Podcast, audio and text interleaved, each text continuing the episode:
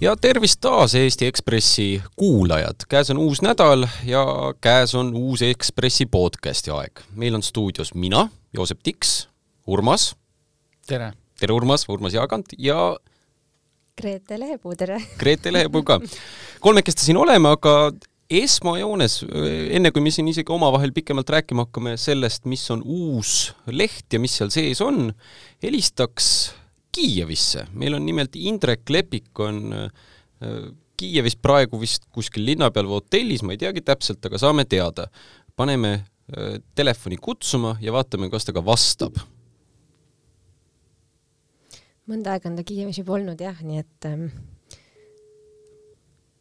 no kutsub, kuuleme. linnaelus hästi. uues Ekspressis kirjutab ta ka pisut, mis seal Kiievis toimub, on saanud tere, Indrek, kuidas meid kuulda on? tere, väga hästi. oled podcasti otse klappides nüüd kuulajatel siin vahepeal oli muidugi noh, Moskvas võib-olla suurem pidupäev, Kiievis absoluutselt mitte, aga võib-olla hüppakski pea ees vette, küsiks kohe sult esmaspäevaseid kogemusi. mis toimus Kiievis üheksandal mail? no vaba päev oli nii, et et selles mõttes inimesed said kindlasti ilusat ilma nautida, siin Kiievis on kakskümmend kraadi sooja, aga kui me võtame seda üheksanda mai kui nii-öelda tähtpäeva kontekstis, siis mitte kui midagi, et äh, ma jalutasin Maidanil ja seal oli palju igavlevaid ajakirjanikke, kes seal aeg-ajalt oma mingeid stände tegid kaamera ees, aga, aga sisuliselt ei toimunud siin küll mitte midagi, küll oli paar õhuhäiret aga, aga õnneks ei juhtunud ka seda, mida enne kardeti, et venelased otsustaksid eh, Kiievi poole mõne raketi teele saata, noh, paraku Odessal nii hästi ei läinud, aga, aga tõesti Kiievis oli täiesti tavaline päev, kui nii võib öelda. ja kus sa ise praegu oled nüüd, kus tavaline päev on läbi, kas nüüd on kuidagi eriline päev? nüüd on tavaline tööpäev, et Kiievis selles mõttes äh, sõja eel oli circa kolm ja pool miljonit inimest, väidetavalt praegu on juba kolm miljonit inimest, osa räägib kahest ja poolest miljonist ja ja osa räägib veel väiksematest arvudest, et selles mõttes raske on hinnata, kui palju inimesi siia linna alles on jäänud või õieti palju neid tagasi on tulnud, sellepärast et kõige nii-öelda karmimatel hetkedel Kiievi lahingu kõige mustematel päevadel oli siin linnas üksnes seitsesada tuhat inimest et äh, mina olen siin Kiievi kesklinnas, olen käinud iga päev äh, linnas, äh, kohtunud inimestega, rääkinud juttu ja, ja selles mõttes ongi huvitav, et kui inimesed küsivad, et noh, kuidas seal Kiievis siis on, siis ausalt öeldes, kui need õhuhäired kõrvale jätta, siis täiesti tavaline.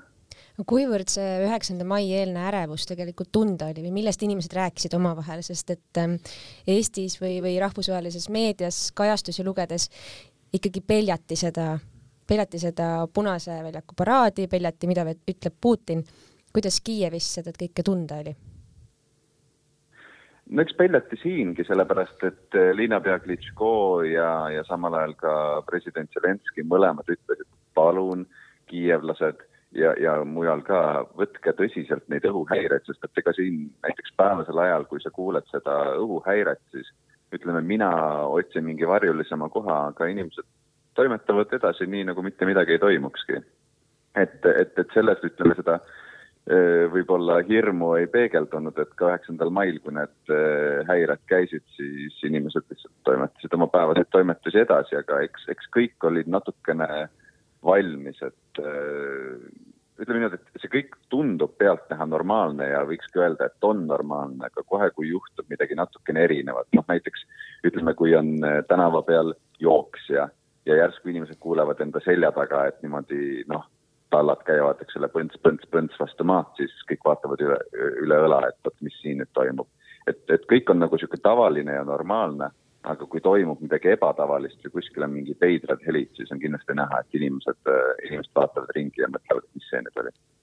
komandanditund on ju ka endiselt? jaa, komandanditund on õhtul kella kümnest hommikul kella viieni, äh, vähemasti nii ütles viimati äh, informatsioonitahvel ja selles mõttes seda komandanditundi järgitakse piinliku täpsusega, kella kümneks on kõik tänavad tühjad, kõik ärid on oma uksed kinni pannud ja, ja kuuldavasti on siin niimoodi, et kui politseile vahele jääd, siis äh, võib-olla saad natukene sõimata, aga kui sõjaväele vahele jääd, siis nad tõmbavad su tagalasse ja lähed sinna kartuleid koorima. Et, et, et selles mõttes on, on äh, selle järgimine siin äh, väga range ja, ja mina ei ole käinud küll testimas, et, et kuidas, kuidas pärast kümmet tänava peal olla on, aga vähemasti nii teadsid kohalikud rääkida kui õhuhäire tuleb, kas sa ronid, ronid keldrisse siis seal või, või mis sa teed? palju sa käinud oled? Äh, siin majas, kus ma olen, ei ole keldrit, vähemasti minu teada, aga, aga ma liigun ruumi, mis on äh, tänavast eraldatud siis kahe seinaga. ehk siis me ei ole nii-öelda tänavapoolse seina juures, vaid üks sein jääb veel vahele, et, et noh, sisuliselt ütleme enamjaolt on see kõige tõenäolisem asi, mis juhtuks, no juhul kui tõepoolest rakett äh, lendaks, oleks see, et aknad lähevad, lendavad puruks, eks ole, kildudeks ja nende kildude eest tuleb end hoida, et noh, kõige olulisem tegelikult mitte olla akna lähedal. Aga noh, muidugi, kui sa satud olema selles majas, mis raketiga pihta saab, siis kindlasti sa peaksid olema jah, keldris, aga aga ma kujutan ette, et enamik inimesi seda ei tee, see on nii ka hotellides, kui ma olen inimestega rääkinud, et eks enamik inimesi toimetab oma tavalisi toimetusi edasi, et, et ütleme, inimesed, kes võib-olla kõige piinlikuma täpsusega seda järgivad, ongi äh, diplomaadid, kes on saanud oma julgestusteenistustelt äh, noh, selles mõttes ikkagi juhised, kuidas käituda ja, ja nad ikkagi sellise poolpiinliku täpsusega seda järgivad, et, et eks siin ongi see oht, eks ole, et, et kui ka üks protsent on võimalus, et sa, et see rakett päriselt tuleb ja, ja kuskile pihta lendab, siis need tagajärjed on lihtsalt nii karmid, et et kas see mugavus nüüd tasub ennast ära või mitte, aga, aga noh, kui ma peaks niimoodi kokku võtma, siis ega ega keegi neid äh, õhuhäireid väga tõsiselt ei võta. aga kuidas nii-öelda sa kirjeldasid küll, et kui inimesed on nii-öelda sellised nagu tundlikud äh, igasuguste helide ja nagu võõramate asjade suhtes, aga äh, sa ütlesid ka, et niisugune nagu tavaline elu, et noh, kui me kujutame ette sellist tavalist äh, kevadist linna, kus inimesed noh, kõnnivad äh,, jalutavad, naeravad, jooksutavad oma koeri seal, viskavad nalja, eks ole, et, et kas see, kas see on nagu selline sarnane, mida, mida ühes sellises äh, ma ei tea, suve ootavas linnas võiks näha või, või, või on kuidagi ikkagi arusaadav, noh, kui nüüd jätta välja need tõesti need äh, õhuhäired ja muu selline, et, et äh, kuidas see nagu niimoodi paistab? ei tõesti, niisugune tavapärane kevadine on, et üks asi, mida ma olen märganud ja ma ei tea, võib-olla surmahirm paneb kuidagi teisiti ellu suhtuma, aga väga palju suudlevaid paarikesi on. et ei tea, kas asi on siis kevades või milleski muus, äh, väga palju on inimesi, kes teevad sporti, kes käivad jalutamas, et noh mida inimesed, kes on nüüd äh, naasnud siia linna, siis kes lahkusid äh, vahetult sõja esimestel päevadel, ütlevad, et, et seda on tunda, et inimesi on tänavatel oluliselt vähem. et see linn on ikkagi selles mõttes tühi, noh, me peame endale aru andma, et Kiiev on tõepoolest suur linn, kui me võtame siinsamad kesklinna suured tänavad, eks ole, kolm sõidurida ühes suunas, kolm sõidurida teises suunas, autosid nüüd väga palju tänavatel ei ole, et kui tahad kuskilt suvalisest kohast üle joosta, siis see ei ole probleem jah, inimesi, inimesi näeb jalutamas, äh, ma ei julge öelda, et siin turiste on, aga siin on selgelt nagu inimesi, kes ei ole Kiievist pärit ja kes käivad nagu minagi siin kuskil Maidanil mingeid äh, mälestustahvleid lugemas ja mingeid muid selliseid asju tegemas, sõjaturistid, jah? ma arvan, kõige jah, ei oskagi öelda jah, et kas sõjaturistid, et kõige rohkem võib-olla seda äh, ebanormaalsust eh, saabki tegelikult näha just, eh, just sellest, et inimesi on lihtsalt eh, vähe, et, et seda ütlevad küll kõik, et mingid õhtused ummikud ja mingid siuksed asjad, et noh, siukest, midagi siukest küll ei ole, et, et, et omamoodi, omamoodi nagu mõnus ja rahulik, aga, aga jah, et inimesi on kindlasti vähem. tead, mul tekkis üks küsimus, sa kirjutad meile Ekspressis Mati Maasikast, käisite ka vestlemas ja rääkisite, no ütleme, Ukraina püüdlustest Euroopa Liitu maasikas või sina, kumb siis toob seal välja, et, et äh, noh, eestlased, lätlased, leedukad, poolakad on väga suured sellised Ukraina toetajad, äh, tugevasti push ivad tagant, et Ukraina saaks Euroopa Liitu. siis on samas jällegi niisugused leigemad tegelased nagu prantslased ja sakslased, on ju. Ehm, ma nüüd mõtlen, et mis positsioonis Mati Maasikas seal on, et ühest küljest ta on nagu eurooplane, teisest küljest ta on eestlane, et ku-, kuidas tema ennast positsioneerib või kui diplomaatiliseks ta jääb seal? Ei no selles mõttes, et ega ta ei varja, et ta on Ukraina suhtes äh, väga sümpaatsel seisukohal, et, äh, et ta ütles mulle ka seda, mis, mis nüüd sinna loosse küll äh, trükimustana sisse ei jõudnud, aga et Euroopa Komisjon ka ikkagi selgelt aitas Ukrainal sedasama küsimustikutki täita või noh, see suur, suur kaustik, mille Zelenskõi Mati Maasikale üle andis, et, et selles mõttes kui me võtame aluseks selle, et tegelikult Euroopa Liit või kui me võtame üldse, miks see revolutsioon siin Ukrainas algas, siis oli ju seesama assotsiatsioonilepe, millest Janukovitš, eelmine president, üle-eelmine president loobus ja, ja mille pärast inimesed tänavatele tulid, et tegelikult Euroopa Liidul on väga hea ettekujutus sellest, mis seisus on, ütleme, Ukraina õigusriik ja demokraatia, mis seisus on Ukraina turumajandus. et, et selles mõttes, kui me võtame sellised nii-öelda Euroopa Liidu kui Euroopa Komisjoni, eks ole, selle nii-öelda Euroopa Liidu enda aparatuuri, mis otseselt liikmesriikidest ei sõltu, et siis siin noh, siin on selgelt nagu püüdlus aidata Ukrainat äh, õige, õige suuna peale ja talle nii-öelda järg kätte anda, et, et ma arvaks, et see on ka äh, Mati Maasika enda, enda seisukoht, aga eks jah, tal on mõnes mõttes nii-öelda mitu, mitu rolli olla eestlane äh, olla eurooplane, eks ole, ikkagi Euroopa Liidu suursaadik siin Kiievis, aga, aga jah, kui, kui nii-öelda liikmesriikide peale mitte taandada, siis ma arvaks küll, et Euroopa Liit on väga-väga toetav olnud Ukraina püüdluste suhtes. nii et see, et kui, kui Macron oli ta vist eile, ütles, et see on ikkagi kümne enama aasta küsimus, siis võib-olla seda niimoodi ei üldistaks, jah? et, et ühtepidi mm, kuskil kuu aega tagasi oli ju väga suur selline arutelu ja väga suur eest, ilmselt ka eestlaste poolt võimendatud äh, selline toetusavaldused Ukrainale, et ikkagi te peate saama Euroopa Liidu liikmeks, äkki ikkagi teeme kiirendatud korras ja juba äkki sel aastal. kas see entusiasm on nüüd natuke ikkagi leigemaks läinud? Nojah, selle kohta ütles Mati Maasikas, et, et veebruarikuus tegelikult ei julgenud keegi veel väga mingist enne seda siis mingist liikmelisusperspektiivist rääkidagi, et eks, eks Prantsusmaal, Saksamaal ja Hollandil, keda, keda ma seal ära nimetan, on alati olnud teatavaid probleeme Euroopa Liidu laienemisega, et tegelikult ka seesama Holland on, on ka Ukraina assotsieerumisele vastu seisnud, et et seal on oma sellised nagu skeptilisemad jõud neis riikides, ka nende riikide sisepoliitikas. Ja noh, kui me mõtleme selle peale, millest Macron rääkis, see oli üleüldse selline kuidagi väga noh, mõneti laialivalguv, aga selline väga nagu grandioosne plaan, eks ole, mingiks uueks korraks Euroopas, kus on sisuliselt mitmekiiruseline Euroopa nii Euroopa Liidu sees kui selle väljas, sellepärast et noh, ta leidis ka seda, et need Euroopa Liidu riigid, kes kuuluvad Eurotsooni ja Schengenisse, peaksid saama mingeid asju eraldi otsustada, noh ilmselge vihjega näiteks Ungari pihta, kes praegu neid eh, naftasanktsioone blokeerib. Ja, ja samamoodi ta siis nägi ka seda, et Ukraina ja, ja teised Euroopa, Euroopa riigid, kes on praegu Euroopa Liidust väljas, peaksid saama siis mingi noh, mingi teistsuguse nii-öelda liikmekaardi, aga mitte sellise, mis, mis annab eh, ligipääsu otseselt nii-öelda Euroopa Liidu eh, klubisse. Ja noh, Macron pidas vajalikuks ka mainida, et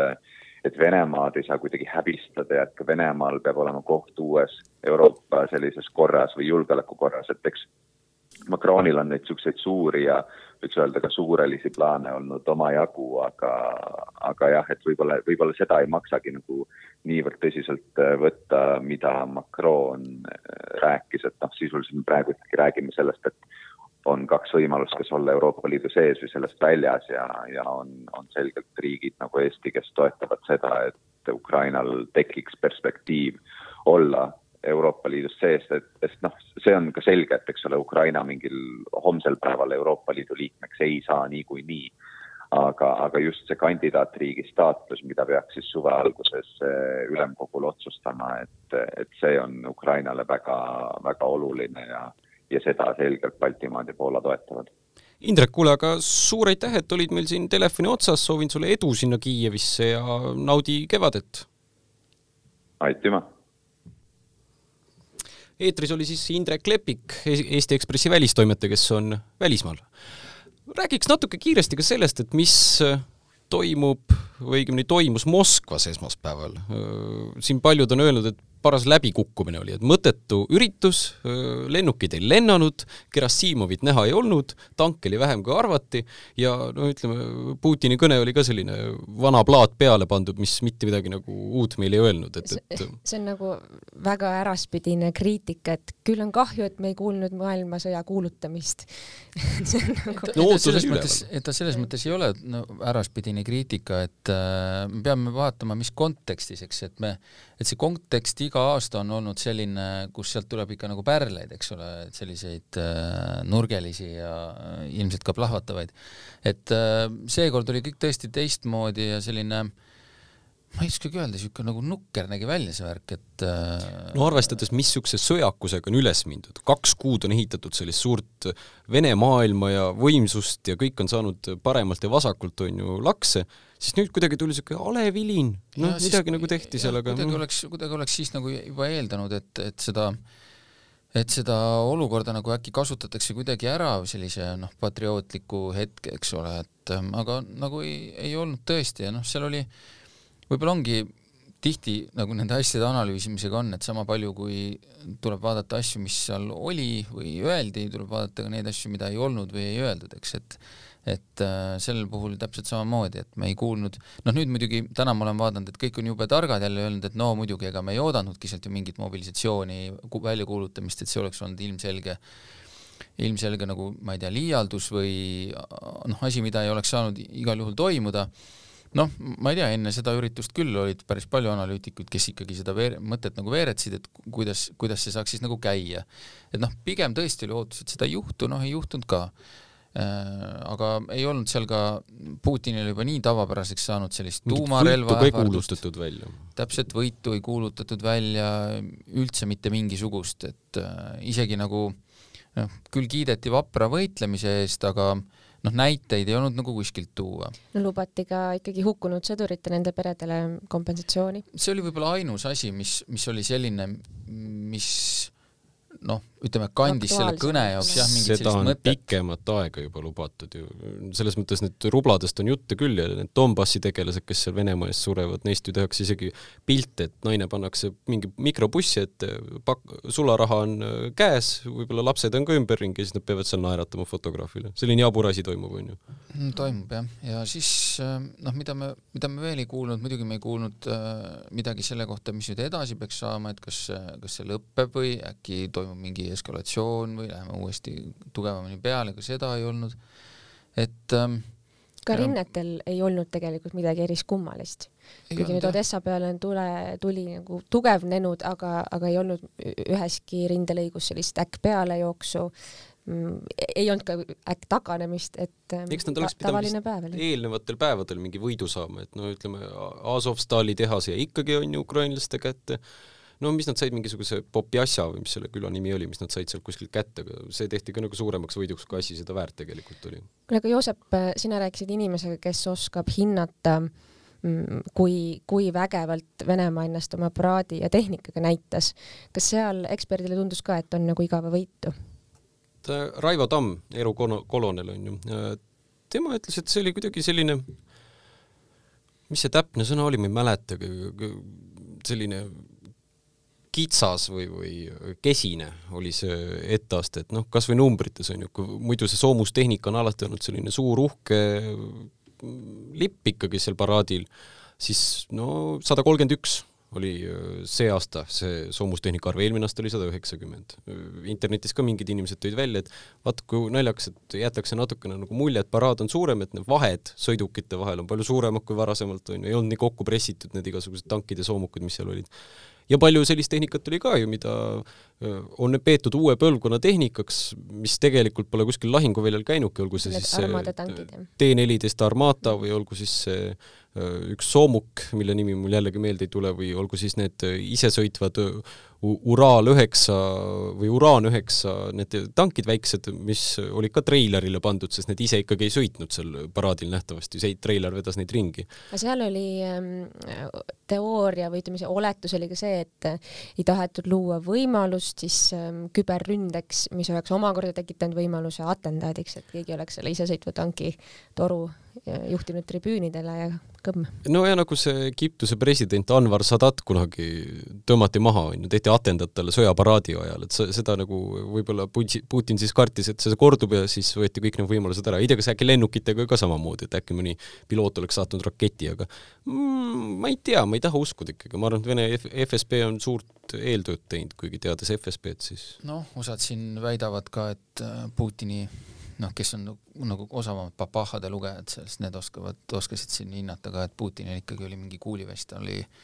mantli all olnud, noh, mina ei tea, mina ei oska seda vaadata. või oli lihtsalt paksuks läinud? ma ei tea ta tavalisi ümbermõõte, eks ole, või mõõtusid. räägitakse ka korseti kandmisest. jah, no ükskõik, noh, kuidas me selle asja kokku võtame, et ega see, ega see oli selline ähm, noh, ta ei olnud selline, nagu ühelt selliselt, sellise režiimiga riigilt võiks oodata, et, et üldiselt küll, et kui iseenesest on ju arusaadav, et kui, kui nagu mingi töö on pooleli, et siis nagu väga samal ajal pidu ei peeta, eks. Et äh, noh, enamikes riikides see nagu nii on, aga just nendes sellistes autoritaarsetes riikides kipub see asi olema just vastupidine, et just siis on vaja eriti kõvasti nagu näidata ja olla, et et selles mõttes oli, oli tõesti nagu selline äh, Äh, nigela võitu, aga no ja enda tasakaalustamiseks ütlen, ütlengi lihtsalt siia igaks lõppu veel selle ära, et äkki meil lihtsalt olidki ootused liiga kõrged, et äh, kes teab, ega ega ei lähe hästi neil ja võib-olla, võib-olla meile korraldati mingi pettemanööver selle sellise tegelik paraad oli kuskil mujal. mitte seda, aga võib-olla lihtsalt ei tahetud mingeid asju näidata, taheti näidata, et oleks nõrgemad, aga noh, seda, kuidas neil tegelikult läheb, me ju, me ju näeme iga päev, et see seis nüüd sellisele äh, nagu tihti armastatakse öelda, maailma number kaks armeele ei ole küll mingi niisugune, mis neile vääriline oleks mm. -hmm. aga hüppaks kodumaale, sinna, kus ütleme, kui Venemaal ootustele miski ei vasta, siis võib-olla Eestis vastupidiselt äh, tekitab suuri ootusi ja siis jällegi võib-olla, et vastab, võib-olla ei vasta. Grete, kirjutad meile hästi palju kinnisrahas, kinnisvarast. kirjutad, et sul raha põleb, kontole oli kogunud tohutu summa ja siis jah, nüüd on veerand on juba selle väärtusest läinud ja ikka ei saa ostetud endale kodu jah, ei, et, et mis siis viga on, onju, on see küsimus. ja mm, ma kirjutan oma loos ka, et, et tavalised ajakirjanikud ähm, ei eelista iseendast kirjutada, et tundub niisuguse nagu üllatus-üllatus privaatsusrikkumisena ja või noh, et mis, mis siis nagu meie oleme olulised Eesti jaoks. Aga sügisel, kuna ma olin siin toimetuses ähm, jaokaupa rääkinud oma seiklusi kinnisvaraturul siis otsustasime, et miks mitte need kirja panna, sest tegelikult ma olen üks ju paljudest, ma julgen öelda tuhandetest, kes otsivad endale uut kodu või esimest kodu. aga, aga müügis neid on ju küllalt kogu aeg olnud. tead sa, jaa, noh, ütleme ma, ma, ma nimetan ennast nagu veteran vaatlejaks, et, et ma käin olen käinud väga palju nii lahtistuste päevadel kui ka lihtsalt ise onju maakeriga kokku leppinud ja ega nüüd viimasel sügistalvel ehk siis viimase poole aasta jooksul, mida ma nüüd uues loos kirjeldan, mm, on äh, üsna kesine see pilt. Äh, et esialgu mulle tundus, noh, talv ongi nagu madal seis kinnisvaraturul, et ähm, Pole korterit so saada kuskilt või? noh, Peep Sooman ütleb ka nii, et, et kuidagi on nagu kinnisvaraturg on nagu kahe küüruga kaamel, et nii kevad kui sügis on sellised ajad, kus inimesed kas siis mõtlevad pesa punumisele või mõtlevad siis kuidagi oma portfelli laiendamisele või mingit, et mingil põhjusel need kaks punkti äh, on need aktiivsuse punktid ähm,. aga et, et mulle tundus, et nagu eelmisel, et talv on niikuinii madalam jah äh,, aga et mulle tundus ka see, et inimesed mõeldes tagasi nagu eelnevale aastale, kus need kinnisvarahinnad jälle tõusid ja tõusid ja inimesed mõtlesid, et aga miks ma praegu müüki panen, kui ma suvel saan küsida veel kolmkümmend tuhat eurot rohkem on ju oma korteri eest et nagu oodati seda magusamat hetke. ja nüüd, kus on olnud inflatsioon, sõda, veel rohkem ebakindlust, siis äh, jälle teistel põhjustel ei panda turule midagi, et ega ei ole väga palju neid pakkumisi. sa oleks võinud ikka ära osta siis, mulle tundub ah., mik, miks sa nagu jokutasid no mul on see, et ma otsin natukene erilisemat objekti ähm, et jaa, jaa muidugi kolmetoalisi uusarendusi on müüa küll, eks seal on nagu teised probleemid, et ähm, kõigile hakkavad tekkima nagu selgemad sellised varaklassid või grupid inimesi, kes, kes mis varaklassi saavad kuuluda. Ehm, et noor pere, Tallinna kesklinna ikkagi enam nagu korterit ei osta, siin on need hinnad nii üles läinud, et aga et ühesõnaga ma otsin natuke nagu teistsugust objekti, et ma ei taha uusarendusse, kuigi ma arvan, et lõpuks nagu see on minu, minu suund on ju, et minu mõte on see, et äh, osta näiteks mõni vanemat sorti maja, see jõudumööda üles kõpitseda ja siis on mul minu enda käe järgi tehtud kodu, aga samal ajal ma olen selle maja väärtust ka tõstnud, onju. Äh, aga see sihuke nipitamine praegusel turul on äh, noh, siin ma nüüd olen, onju. no muidugi neid hindu vaadates on ka niisugune tunne, et kui inimene teenib keskmist palka ja näiteks elab üksi, siis ta võib sama hästi suu puhtaks pühkida igasugusest korteri ostmisest, et no ma arvan, noh, tegelikult no kui see just ei ole Ida-Virumaal Kohtla-Järves näiteks. ei, ei, see ei, see ei pea ka Ida-Virumaal, et sa võid vaadata ka siia Tallinna ümbrusesse ja, ja see trend, ütleme, eksperdid kirjeldavad, trend näibki olevat, et, et kolitaksegi pigem siis nagu linna äärde ja kuna meil kaugtöö seda võimaldab, sul on võimalus, ma ei tea, Bolt Drive'iga või ütleme ka see liikuvus on nagu lihtsamaks tehtud, tehtud inimestele. et siis, siis, siis niimoodi, sinna see asi nagu suundubki. aga üldiselt jah, ähm, kinnisvaraturg on nagu huvitavas, väga keerulises olukorras, et ega ehitajad ka praegu uusi objekte liiga kiiresti ette võtma ei kipu. Äh, ehitushinnad on täiesti absurdselt kasvanud sada protsenti metallil ja rohkem veel on ju, mis iganes tootegruppidel. Äh, et, et ollakse nagu kahvlis ka teistpidi, et ühtepidi nõudlus tegelikult ja neid, kes tahaksid osta mm, veel nagu teha tehing ära enne sügist, kui siin Euribor hakkab tõusma, neid on, aga siis nüüd neile jälle võib-olla ehitajad liiga kiiresti midagi peale. Indrek, sa kirjutad ju, Indrek jah, Indrek meil oli siin juba, Urmas, sina kirjutad ju inflatsioonist ka meil uues lehes, et kas see kinnisvara hinnatõus no,, ehitusmaterjalid, värgid-särgid, et kas see on kuidagi inflatsiooni ka juurde visanud seda sama, et sinul on endiselt rahandusministrid, kes kõik räägivad oma häid ideid, kuidas inflatsiooni no kuidas ta puuri panna, et ta enam nii kõrgeks ei paisuks, nagu ta praegu on, ligi kakskümmend protsenti, et muidugi kinnisvarahindu vaadates, siis ma ei tea, kuidas sa selle asja puuri paned, kus sa tekitad neid kortereid niimoodi nipsust juurde? no eks äh, hinnad ju kujunevad nii, nagu nad ikka kujunevad, et äh, nõudluse ja pakkumise suhtena, eks, et kui nõudlus on kõrge ja pakkumist on vähe, siis need hinnad üles lähevad ja praegu on noh, ongi, mida see, mida need erinevad probleemid, mis meil siin alates sellest äh, koroonakriisist on tekkinud ja pole tegelikult lõpuni ära lahenenud, need tekitavad olukorda, kus lihtsalt pakkumist võiks olla, aga teda lihtsalt ei ole nii palju ja see, eks see viib seda hinda üles ja ja muidugi kogu selle, keegi enam, ma ei tea, kes kellega mäletabki, meil oli kunagi siin üks finantskriisi moodi asi, mille, mille lahendamine tegelikult kolmekümnendatel, jah? noh, oli ka siin lähemal ajal natukene, aga, aga kus siis mille lahendamiseks, mille lahendamisega tegelikult tegeletakse siiamaani. et ega, ega see, et meil nüüd intressid on olnud siin noh, kohati negatiivsed on ju, või siis nullis tavainimese jaoks, ega see pole ju muud kui eelmise kriisi lahendamine, mida, mida siis siiamaani tehakse ja seda pole siiamaani ära lõpetatud ja nüüd me oleme olukorras, kus on tulnud uus kriis peale, eks ole,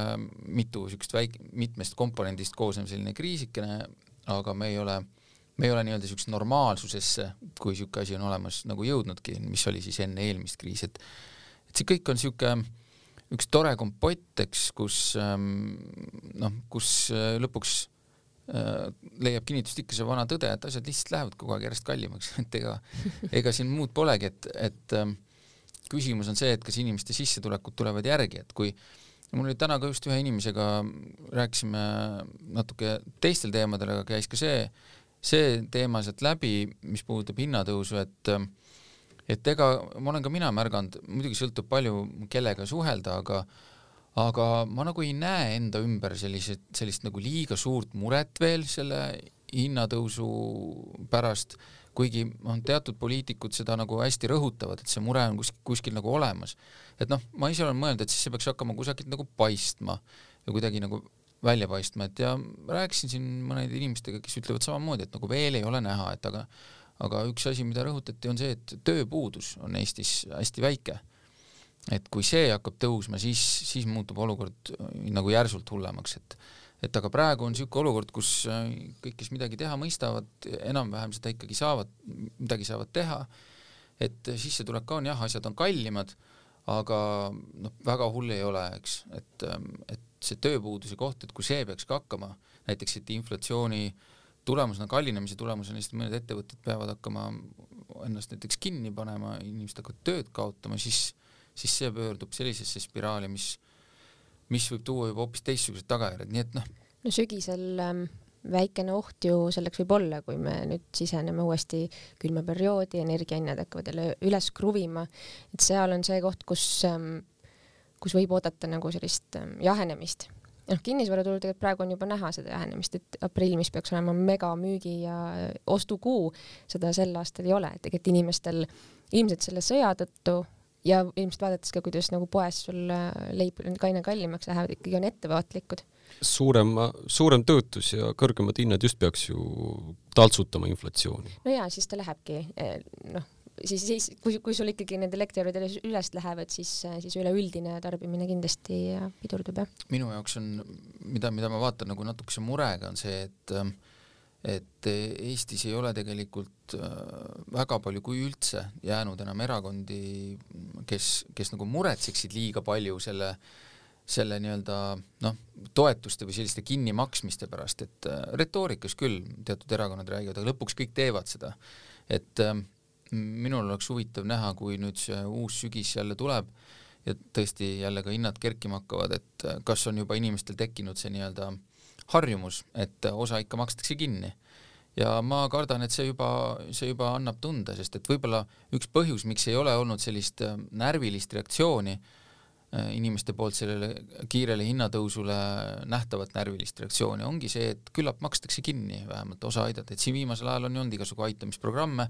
nüüd jälle üks, üks ports raha pandi reservi, et siis maksta kõigile lastele ja vanematele inimestele ühekordselt viiskümmend eurot. Mm, me ei hakka täna rääkima sellest, kas sellel on pointi või ei ole. aga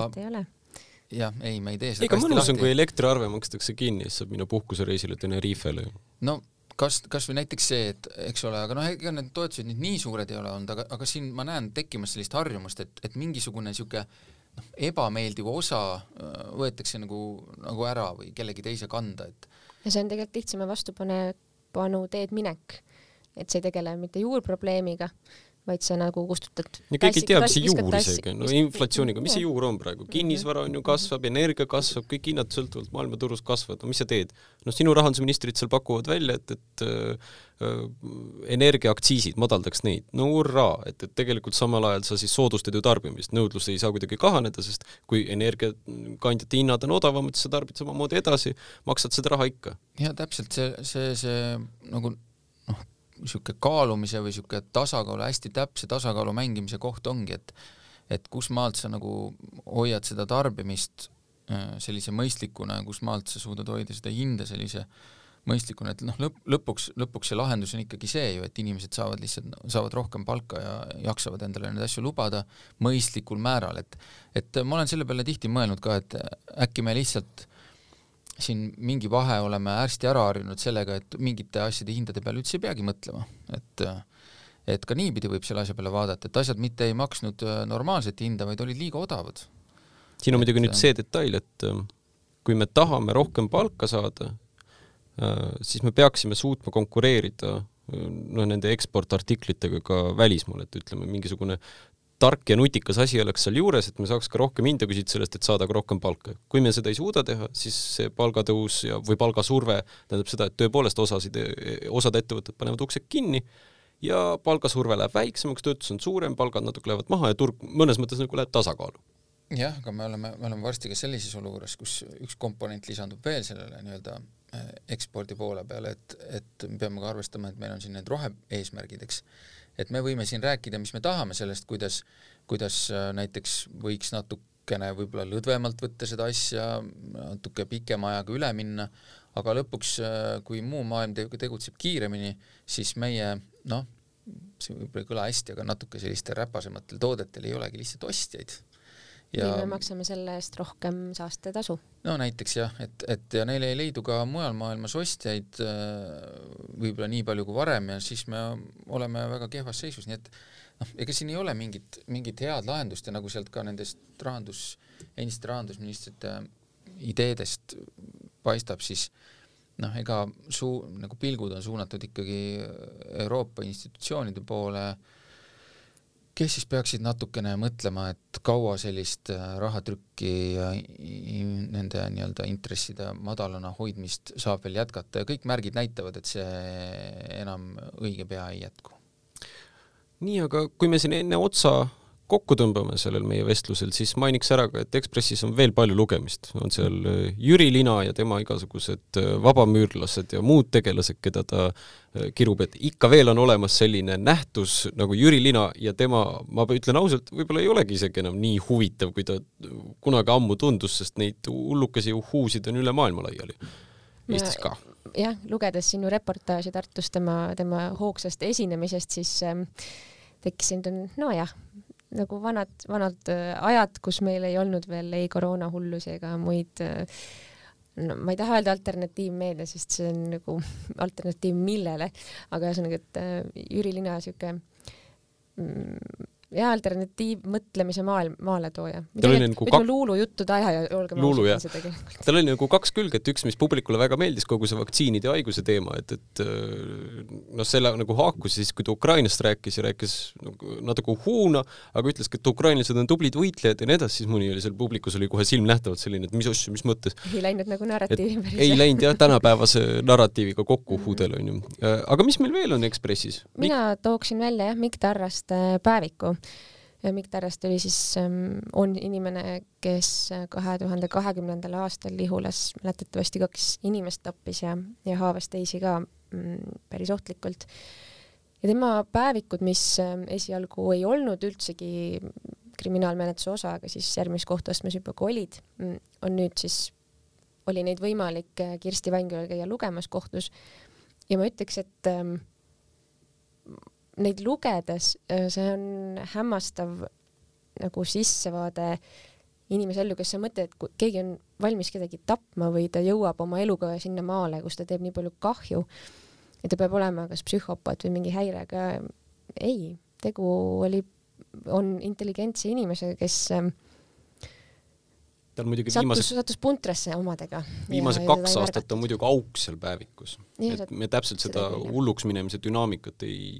mm. saagi teada, aga see, kuidas ta nagu mõtleb, mis ta aga teeb. mitu aastat varem ta ikkagi kirjeldab seda ja ta analüüsib väga-väga sügavuti ja väga noh, nagu arukalt seda, kuidas ta oma eluga peaks edasi minema, kuidas asutada seda hooldusõdede ettevõtet, mismoodi, kas kooli lõpetada ja nii edasi, et noh, täitsa tavalised olmeprobleemid mis lihtsalt mulle tundub nagu lumepallina kasvasid ja jõudsid mingite asjade kokkulangemisel lõpuks välja, kus nad jõudsid. no ja viimaks siis võib-olla tooks välja nädala persooniid, suured poliitskandaali kukkujad või, või Strasbourgi kangelased nii-öelda või noh, kuidas neid iganes kutsuda, et Templirüütel ja Wunderkind käisid siis klubis ja jõudsid sellega meediasse. ei jõudnud vist ainult meediasse, jõudsid ka politseisse servapidi, et äh, jah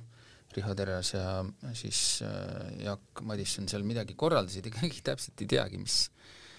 mis asi seal täpselt juhtus, et neil, et neil seal mingisuguses meelelahutusasutuses kõvaks äh, andmiseks läks, ma ei tea, kas ka füüsiliselt, aga paistab, et seal mingi tõuklemine vist oli kellegagi, ütlemiseks läks päris kindlasti ja ja rassistlikud need kommentaarid ka olid. jah, et äh, kuidagi jah, ma ei teagi, kas siis äh, ikkagi et ajad on nii pingelised äh, või siis äh, see plenaaristung oli väga pingeline, et äh, mis Strasbourgis toimub teatud regulaarsusega Europarlamendi liikmetel, et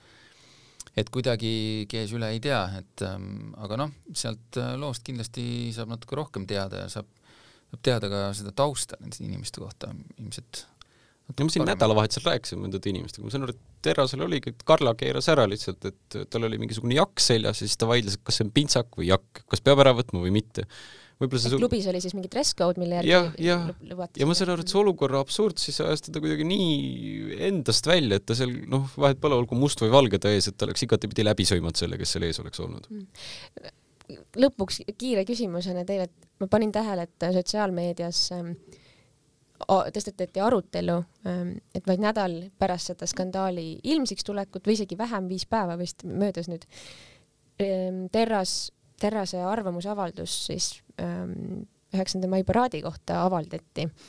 ja küsimus oli, et kas siis, kas inimene, kes on käitunud tegelikult väga ebaväärikalt Europarlamendi saadiku kohta, on siis juba käinud läbi sellest avalikkuse puhastustulest, et teda saab jälle arvamusliidrina kuvada. mis te arvate? Väga keeruline küsimus, minul on noh, ütleme, kas mingisugust ekspertteadmist äh, mingi asja kohta või on nagu mõistlik välistada mingisuguste asjade osas, eks neid kõiki tuleb vaadata nagu tervikuna või sellise äh, nagu komplektina koos, et äh, mis on ühe asja aspektid ja mis on teise asja aspektid, et kui ega meil neid noh, ütleme, kui me räägime konkreetselt Riho Terrasest, meil ei ole ju endisi kaitseväe juhatajaid ja kindraleid nagu just jalaga segada, kes, kes seda asja ikkagi nagu jaga, nagu jagavad ja teavad, millest nad selles kontekstis räägivad. et ähm, see on, see on jah, üks niisugune alatine niisugune vaidluse koht, ma kardan, kus, kus arvamused ja hinnangud jäävadki erinevaks ja sõltub hästi palju nende arvajate nii-öelda endi kogemustest, mis nende jaoks on mingi piir äh, ühes või teises asjas, et sõltub mingi... sellest teost ka natuke. no selles, seda ma just silmas peangi, et, et kui et kui võib-olla mõne inimese jaoks kuskil ööklubi ees rähklemine noh, ei ole mingi suurem asi, vaid võib-olla tähendab pigem õnnestunud nädalavahetust, siis mõnede inimeste jaoks see kindlasti on ja, ja vastavalt sellele ka ka arvamused selle kohta, et kas inimene peaks äh, kusagil esinema või mitte ja ka selle suhtes on inimestel niisugune tolerants tõenäoliselt no, väga arvan, erinev, nii et küsimus ju tekib sellest ka, et, et kui selle rähklemise käigus paljastub sinu tõeline pale ja mis see pale siis on. no et, et kui sinu, sinu instinkt, ütleme, sa vihastad ja, ja kaovad kõik need viisakuse äh, maskid su eest ja sinu esimene instinkt on öelda inimesele rassistlikult nagu läheneda talle või teda sõimata rassistlikult, kas see ei näita sinu väärtust? Ma ütleks, et siin on üks äärmus, mis on näiteks Jüri Kamenik, teda, tal me ilmateadet ei lase mõnda aega ju lugeda, Igor Manka võib-olla pole kõige parem horoskoobi lugeja. Igor Mank on ammu eetrisse lastud. no vot, aga mitte nädal aega hiljem, on ju, no see on jällegi vaidluskoht, on ju. Äh, aga Riho Terrase puhul me ei ole nagu väga kindlad, mis seal üldse juhtus, keegi võiks meile videosid näidata või nii edasi, et seal ei ole esiteks üheselt mõistetavust ja teisalt ma arvan, et noh, võib-olla tõesti see ööklubi ees rähklemine seal annab vaielda, seal ei ole nii ühene see nagu tühistamise ootus. ah, ei tea, see on, see on nii keeruline selle koha pealt, et tõesti, mis kellelegi näiteks noh, ma saan aru, äh, Grete siib sinna, et äh, nii-öelda in vino veritas, eks ole, aga aga näiteks on, võib, või seda võib vaadata ka teistpidi, et äh, see just avaldab inimeses mingid küljed, mis mis ei ole talle muidu omased, aga noh, see on, me läheme mhm. filosoofiasse siin lõpp, lõpupoole juba väga ära, et ja olgu ka mainitud, Terras tegelikult ütles, et tal on, tal on kahju, et see juhtus ja ta tunneb ennast pahasti selle segaduse pärast. ütleme, et kes ei taha seda Terrast lugeda, seda arvamusartiklit, ärgu lugegu lugege ikka olgu, aga siinkohal tõmbame joone alla. Äh, tänan teid, Grete Urmas, et äh, tulite stuudiosse, rääkisime päris pikalt ja lehte loeme kindlasti veel pikemalt. ilusat uut nädalat ka Ekspressi kuulajatele ja kohtume taas! kohtume taas!